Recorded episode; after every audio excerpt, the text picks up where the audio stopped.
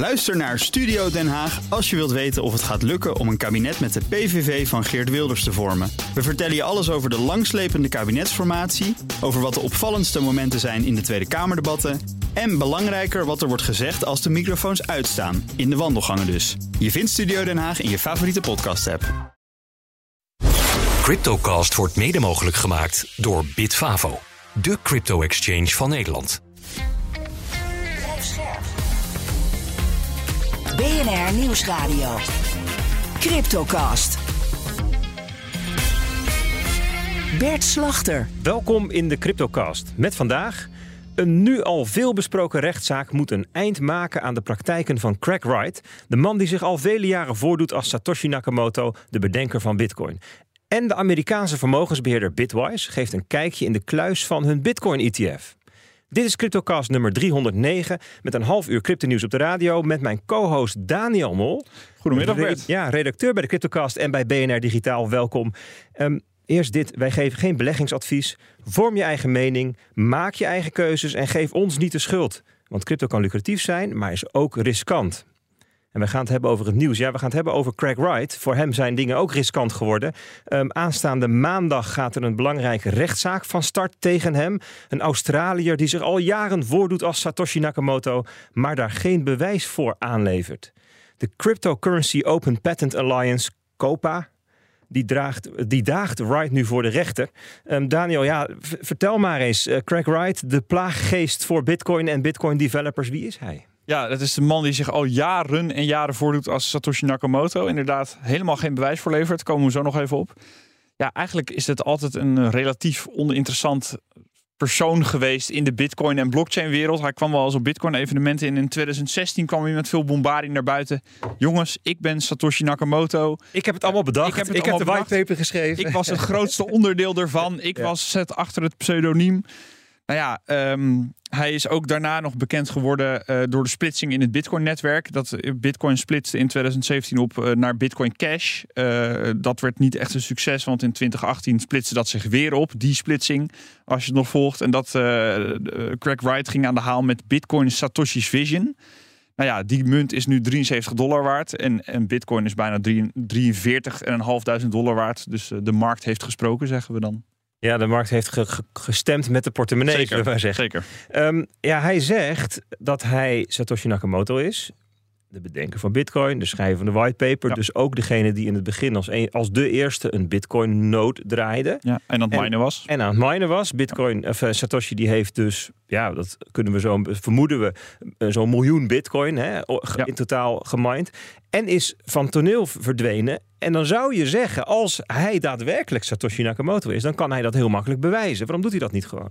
Ja, als hij zegt Satoshi zou zijn, dan inderdaad is dat een fluitje van een cent. Je zou kunnen zeggen, joh, uh, stuur een keer wat van die bitcoin, van die adressen uh, ergens anders heen. En dan uh, kondig dat voor, van tevoren aan.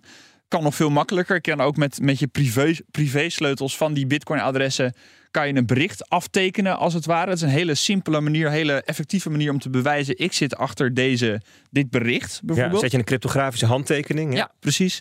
Uh, en uh, iedereen uh, zegt hem ook van joh, meneer Wright, doe dat dan gewoon. Dan zijn we ook, dan hebben we de hele discussie niet meer. Dan kunnen we gewoon de adressen die jij claimt te hebben, die de bitcoin die jij claimt te bezitten, die, dan weten we zeker dat die van jou zijn. Nou, dat heeft hij tot op heden niet gedaan. Ja, want jij zegt als hij zou bewijzen dat die miljoen bitcoins daadwerkelijk onder zijn beheer zitten, dan, ja. dan, dan zou jij ook wel willen geloven dat het daadwerkelijk. Nou ja, kijk, dat, dan begint er een hele nieuwe discussie, want hij zou natuurlijk ook uh, die, die, weet ik veel, harde schijven waar die, waar die bitcoin op dan staan, zou die gejat kunnen hebben. Ja, er zijn allerlei scenario's dan toch te bedenken. Maar er is dan in ieder geval, dan zijn we in ieder geval een stap verder in, in die ontdekkingsreis wie dan Satoshi Nakamoto zou kunnen zijn. En ja, dat heeft hij tot op de heden allemaal nog niet gedaan. Dus het is veel woorden, maar weinig daden. Ja, precies. En dan is er nu die Cryptocurrency Open Patent Alliance, die hem voor de rechter sleept in het Verenigd Koninkrijk, als ik me niet vergis. Ja. Wat, wat is hun doel? Nou, dat het voor eens en voor altijd klaar moet zijn met deze meneer en al zijn uh, leugens en rechtszaken.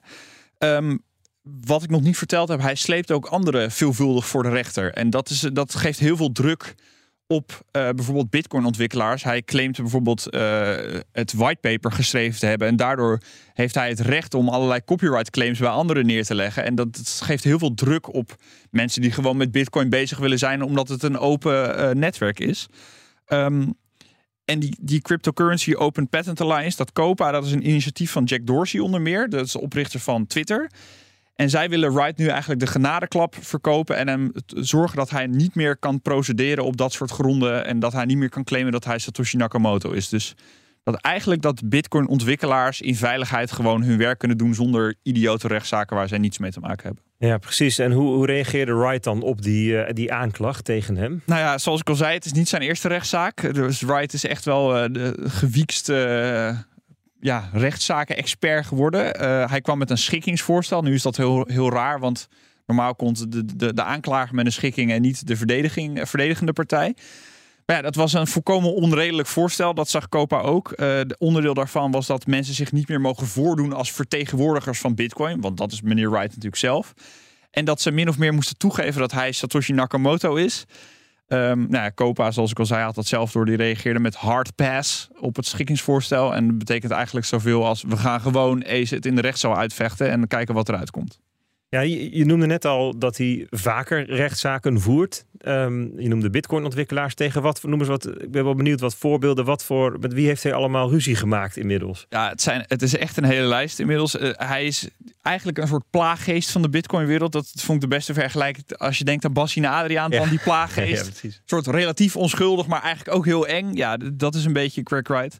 Um, nou, afgelopen week bleek dat het hoger beroep in een zaak tegen Bitcoin-podcaster Pieter McCormack niet doorging. Dat is ook een best wel grote naam in, de, in deze wereld.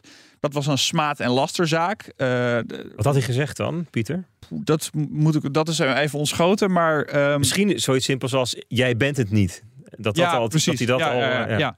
Nou ja, en Wright verloor die zaak eigenlijk heel zwaar. Uh, dat is duidelijk. En een hoger beroep ging dus niet door.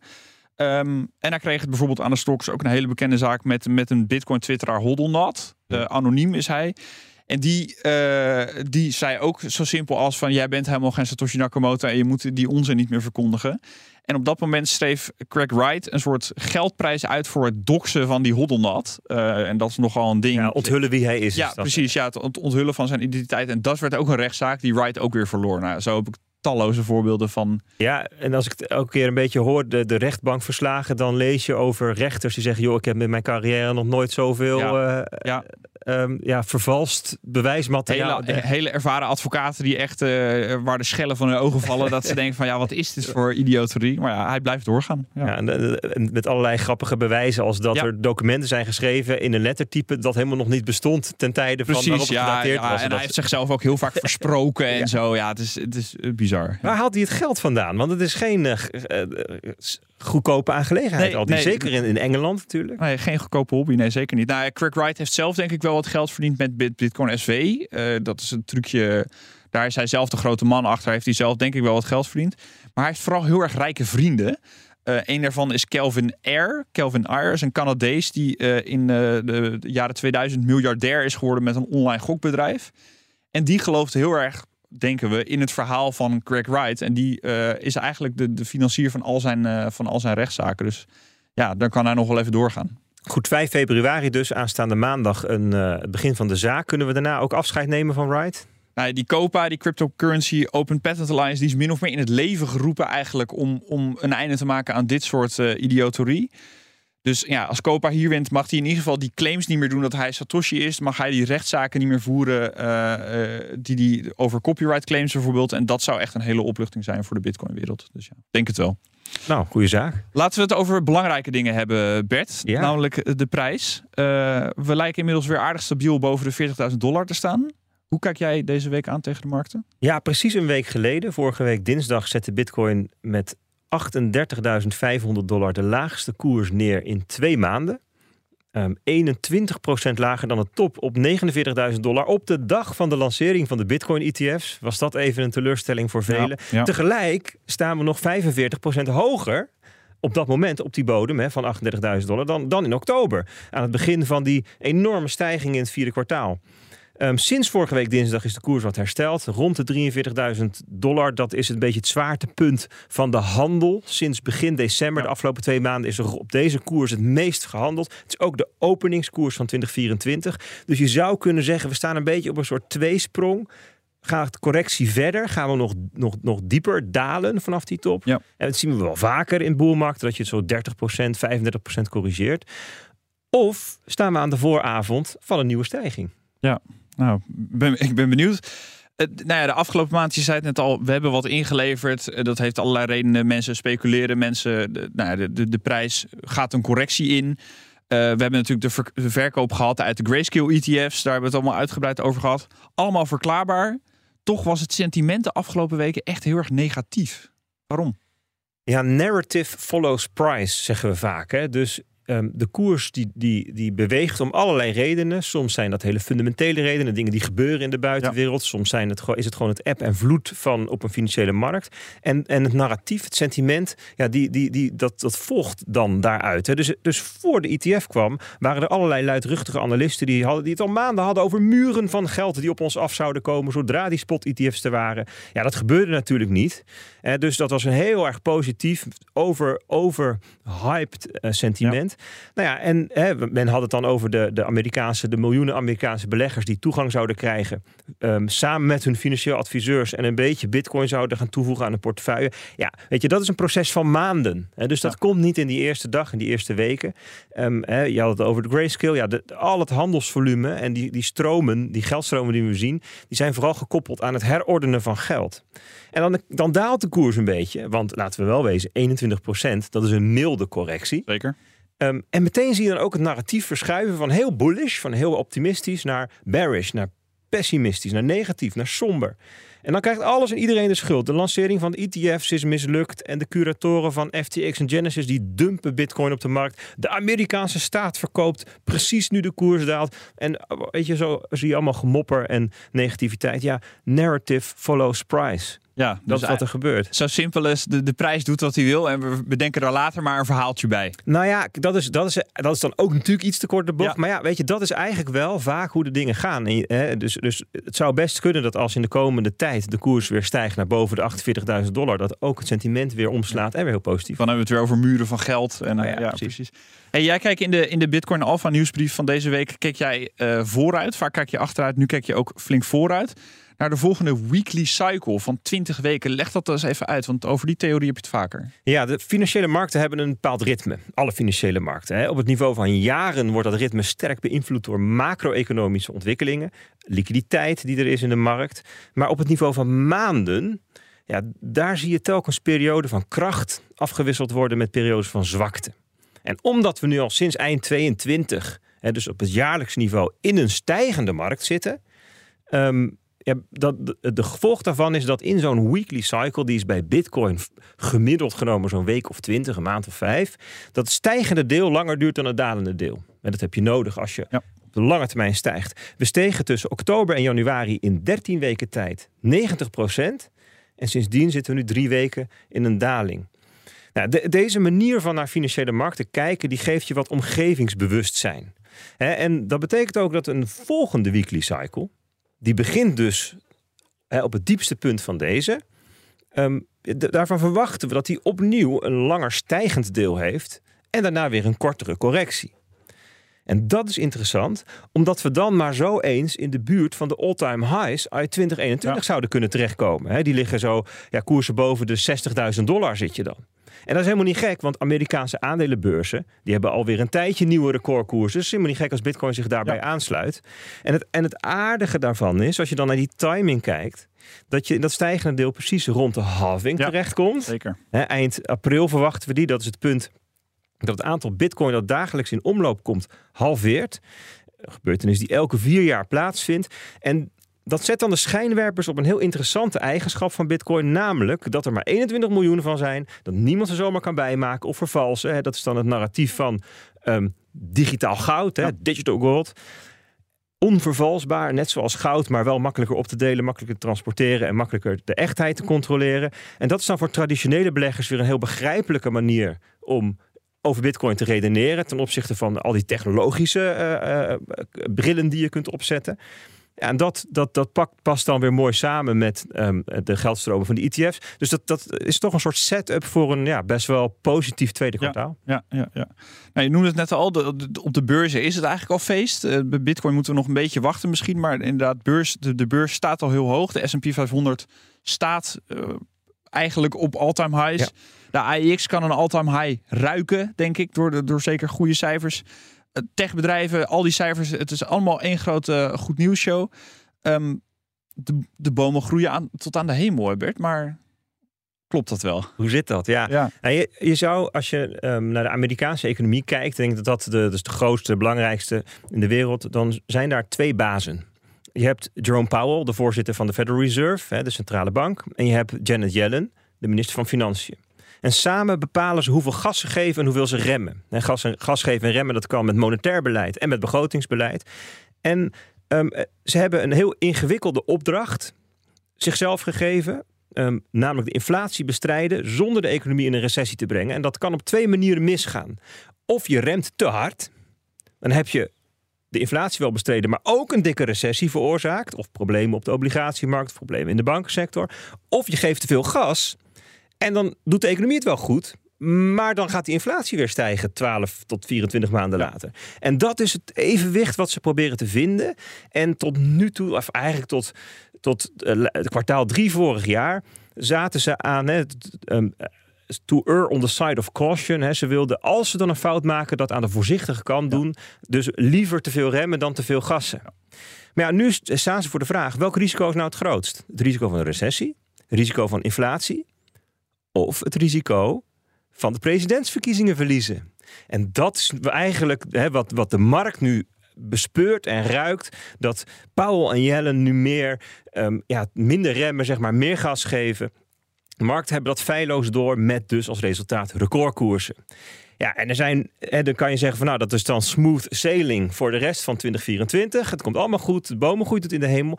Maar er liggen best nog wel wat hobbels op de weg. Hè. In, rond maart heb je een aantal uh, vraagstukken. Um, het steunprogramma voor de regionale banken loopt af. De spaaroverschotten sinds corona zijn ja. dan zo'n beetje op.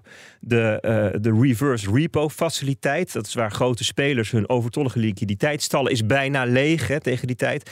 En men verwacht 20 maart een rentebeslissing met een rentedaling, de eerste. Ja, ja gaat dat gebeuren? Die zit al niet? ingeprijsd. Ja, ja, ja, ja precies. Het is allemaal niet rampzalig, maar het is wel wat onvoorspelbaarheid. Nou goed, dat is allemaal nog, nog maart.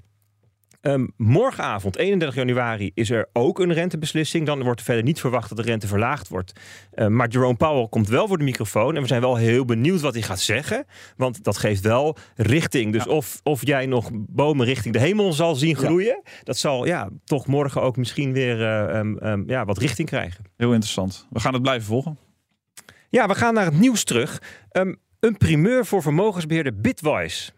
Zij zijn de eerste die inzicht geven in de dekking van hun Bitcoin ETF. Ze, hebben, ze waren een van de negen nieuwe ETF-lanceerders op um, 11 januari.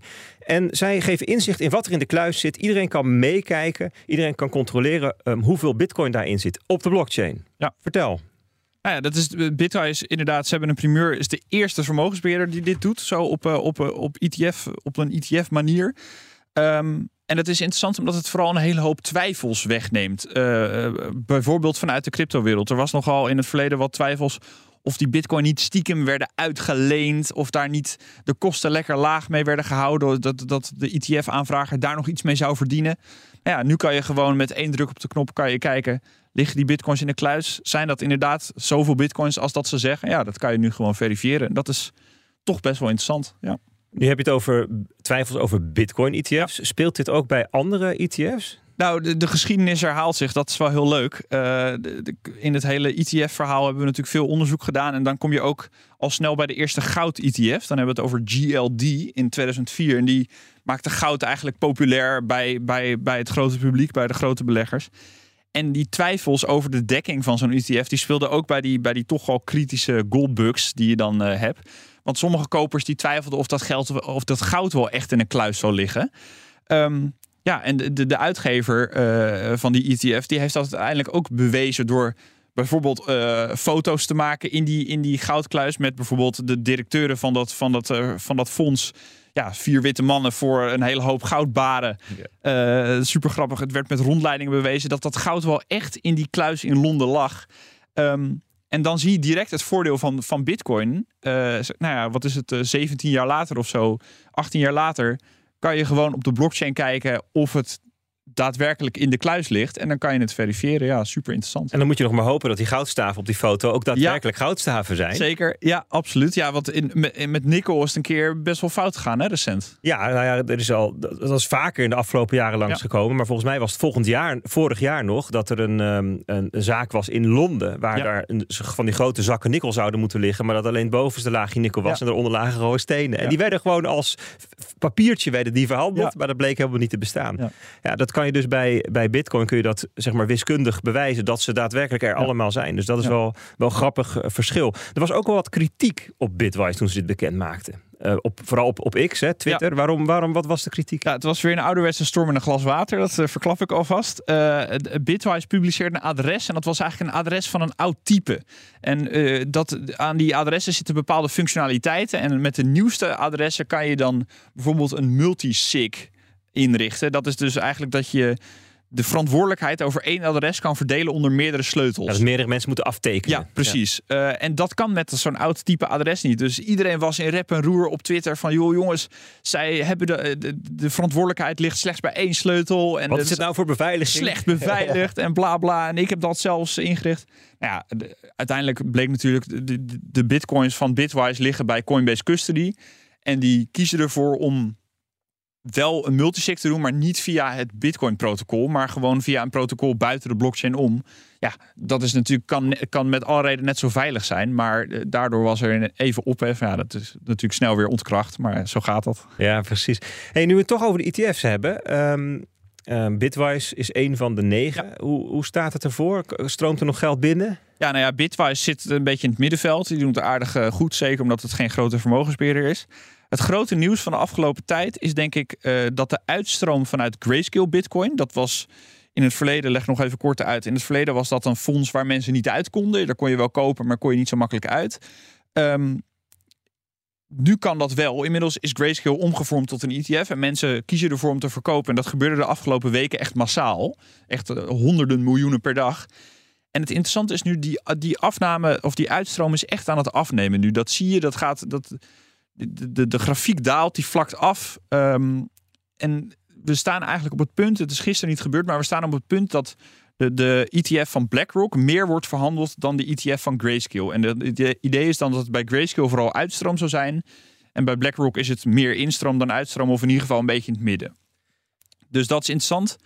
Verder nog steeds heel veel handel. En BlackRock is het grootste en Fidelity het tweede grootste fonds. Ja, precies. Dus de, de uitstroom uit um, Grayscale neemt wat af. En nou is de vraag of dan de instroom van die andere op hetzelfde niveau blijft. Want dan zie je natuurlijk een verschil ontstaan. En gisteren was dat het geval. Hè? Dus dat is een één zwaluw, maakt nog geen zomer. Maar dit is ja, drie weken later zitten we nog steeds met z'n allen elke dag even naar die grafiekjes te kijken. Dus dat is blijft toch wel een uh, interessant om in de gaten te houden. En verder moeten we over een paar maanden maar eens een conclusie uh, trekken. Precies. Hey, we gaan nog even hebben over de podcast. Uh, we hebben zometeen Danny Oosterveer te gast. Waar gaan we het over hebben?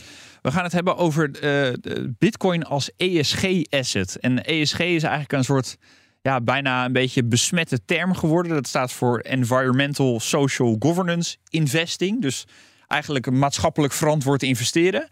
Uh, KPMG heeft een heel spraakmakend rapport geschreven over dat Bitcoin ook wel eens in dat bakje zou kunnen vallen. Met allerlei redenen waar we het dan over gaan hebben.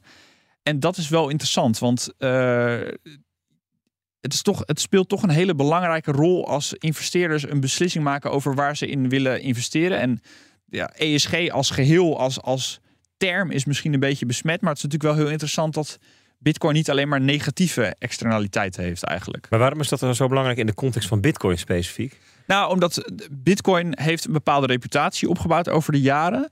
Uh, en eigenlijk constateren we dat er het afgelopen jaar ongeveer toch een soort ja, verandering in het narratief uh, gaande is. En dat, dat, dat slaat heel erg op dat ESG-verhaal. Dus dat zit hem in dat Bitcoin mining niet per se vervuilend is, maar juist misschien duurzame, uh, duurzame energiebronnen stimuleert op, op verschillende manieren.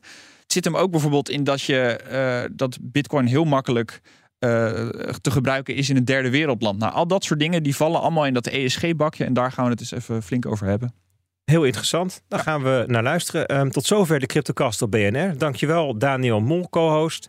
Um, wie meegaat naar de podcast, graag. Zo niet ook goed. En dan graag tot volgende week bij de Cryptocast op BNR. Cryptocast wordt mede mogelijk gemaakt door Bitfavo, de crypto-exchange van Nederland. Ook Diana Matroos vind je in de BNR-app. Ja, inderdaad. Je kunt live naar mij luisteren tijdens de Big Five. Ook handig in de BNR-app. Breaking nieuwsmeldingen, maar ook het allerlaatste zakelijke nieuws. En je vindt in de app alle BNR-podcasts, waaronder Wetenschap Vandaag. Download nu de gratis BNR-app en blijf scherp.